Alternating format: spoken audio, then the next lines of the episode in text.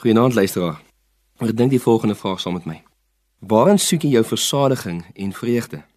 Die mens oor die algemeen verlang daarna om gelukkig te wees, om vreugde te hê en die spreekwoordelike and they lived happily ever after wys na die verlange van die mens om 'n vreugde te vind wat kan hou, wat ons sal versadig.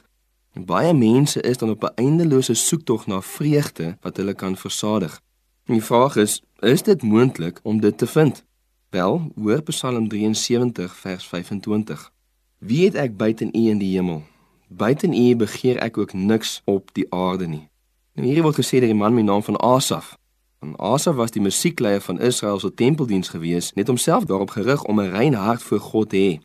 Maar iets het hom begin pla.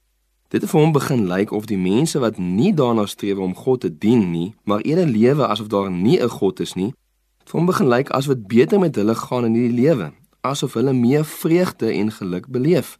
En dit het hom ontstel en hy sê sy voet het amper gestruikel.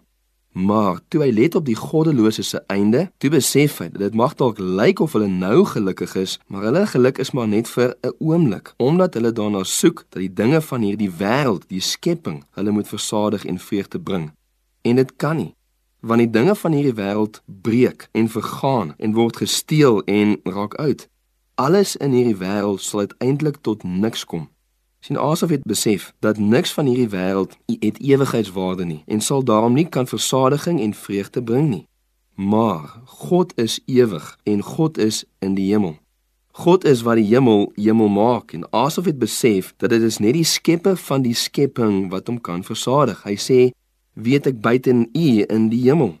Jy sien ware versadiging en vreugde word gevind in 'n persoon en nie besittings nie. Daar is niks in hierdie skepping wat opweeg teen die wonderlike vreugde en versadiging om die Skepper Jesus te ken nie. Mag ek jou vra, het jy al versadiging en vreugde in Jesus gevind? Kom ons bid saam. Here, daar's so baie dinge wat um, lyk asof dit ons gelukkig sal maak. Maar uiteindelik is U die Skepper van hierdie skepping, die een wat ware vreugde en versadiging kan bring. Rig ons na U toe asseblief. Amen.